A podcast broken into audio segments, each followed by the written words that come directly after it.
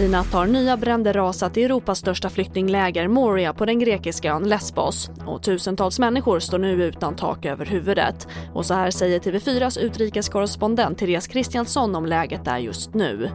Ja, de har ju då både förra natten när det började brinna, när stora branden var, och i natt så har ju de flesta bara sovit ute längs vägar och under träd och så vidare. Eh, därför att de får helt enkelt inte komma ifrån lägerområdet. Polisen har slått en stor eh, järnring kring hela området och försöker de ta sig ner till Mytilini, kanske bara försöka få tag i en kaffe eller köpa någonting att äta, så går alltså inte det. Så att det leder till större frustrationer. Och den amerikanska delstaten Oregon befarar rekordmånga dödsoffer sen bränder nästan utplånat fem samhällen där. Närmare 100 naturbränder härjar i Oregon, delstaten Washington och i Kalifornien. Och minst tre människor uppges ha omkommit i Kalifornienbränderna under gårdagen.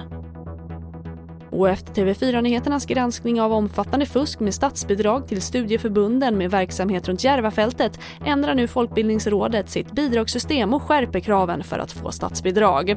En ny kontrollfunktion på rådets kansli ska inrättas och polisens nationella operativa avdelning NOA är nu inkopplade. TV4-nyheterna, jag heter Charlotte Hemgren.